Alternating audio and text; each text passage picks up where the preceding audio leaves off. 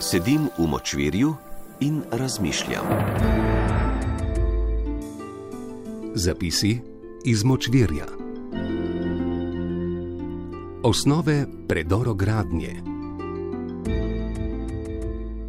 Kljub prelomnim dogodkom, ki se vrtijo skupaj z žogo, se moramo posvetiti tudi manj junaškemu življenju, saj se nam nerešene zadeve nabirajo. Tako že več kot leto, nekje pod površjem družbeno-političnega prostora, brbota ideja, da bi med parlamentom in garažno hišo pod trgom republike skopali tunel. Zadeva je večplastna in pomembna, tako za gradbenike, kot tudi za nas, moraliste, tako da si zasluži omembo v naši analitični oddaji.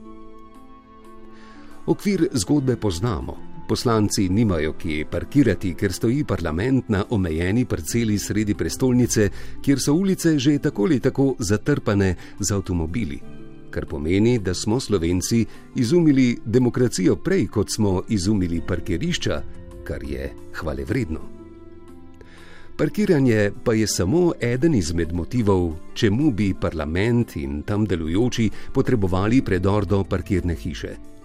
Nekatere izmed razlag govorijo o tem, da se lahko poslanci umaknejo, če pride do izrednih razmer, in kot smo izvedeli med zadnjo pobudo za kopanje luknje, se izredne razmere dogajajo takoj, ko poslanci izstopijo pri glavnih vratih državnega zbora. Med lanskimi incidenti so nekatere poslance, resnici na ljubo desne provenjence, žalili in celo pljuvali. Kar je obsojanja vredno dejanje, s predorom bi se žalitvam in pljunkom izognili. To je v glavnem okvir, Zdaj pa se kot ljubiteljski urbanisti posvetimo težavam, zaradi katerih, vsaj tako kaže, predora ne bo. Najprej so si v mandatu prejšnje vlade gradnjo in investicijo očitno predstavljali malo bolj po domače. Drugi problem pa je Šubičeva ulica, ki je v lasti mestne občine, Šubičevom pa je treba podkopati in če bi zakopali dovolj globoko, je Šubičeva ulica celo v lasti rimskega imperija, a to je že druga zgodba. Hočemo povedati, da bi bil takšen predor črna gradnja in ker živimo v pravni državi, bi od države poslani bagri zakopali tisto, kar bi od države poslani bagri predtem izkopali.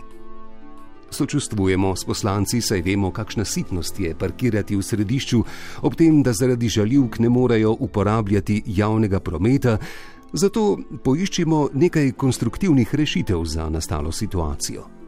Na prvem mestu se zdi najprimernejše, da bi parlament preselili nekam, kjer bi bilo okoli hrama demokracije dovolj parkirnega prostora. Kot slišimo, je dobil Kolosej v BTC-ju novo lastništvo in za pametno najemnino bi se lahko naša usoda odvijala v 12 dvoranah, uporabnih skupnih prostorih in kar je najpomembnejše, ob dovolj obširnih parkirnih površinah. Če pa bi se recimo lotili parlamentarne novogradnje, kot jo je predvidel mojster Plečnik, pa nikjer ne piše, da se v Sloveniji ne bi našla boljša parcela od te v središču Ljubljane, ki ima tako ali tako težave z vsemi tistimi kipi tam okoli. Recimo v Murski soboti oziroma na njenem obrobju bi katedrala gibanja svobode uspevala prav tako dobro kot v Ljubljani ali pa bi parlament, če je prekmurje preveč odrog, preselili v Maribor. Sicer v središču Maribora prav tako ni parkirišč za avtomobile, ima pa mesto prekrasno parkirišče za letala. Seveda pa obstaja možnost, da se poslanci nikamor ne selijo. Če jim gre v prvi vrsti za varnost in v drugi vrsti za parkiranje, bi lahko opravili zasedanje kar v garažni hiši in to iz obdobja svojih osebnih avtomobilov. Če se lahko prehranjujemo, gledamo filme in opravljamo bančne storitve, ne da bi zapustili avtomobil, potem ni nobenega razloga, da ne bi mogli na ta način voditi države. In še eno prednost ima parlament v parkirni hiši: le streljaj je do absolutne varnosti v kleteh Cankarjevega doma, kjer se je rodila naša država. Po teh konstruktivnih predlogih pa se moramo vsaj malo ustaviti tudi pri primarnem strahu poslancev, da so opljuvani in žaljeni. Že ob bežni analizi se pokaže sprevržena logika želje po predoru.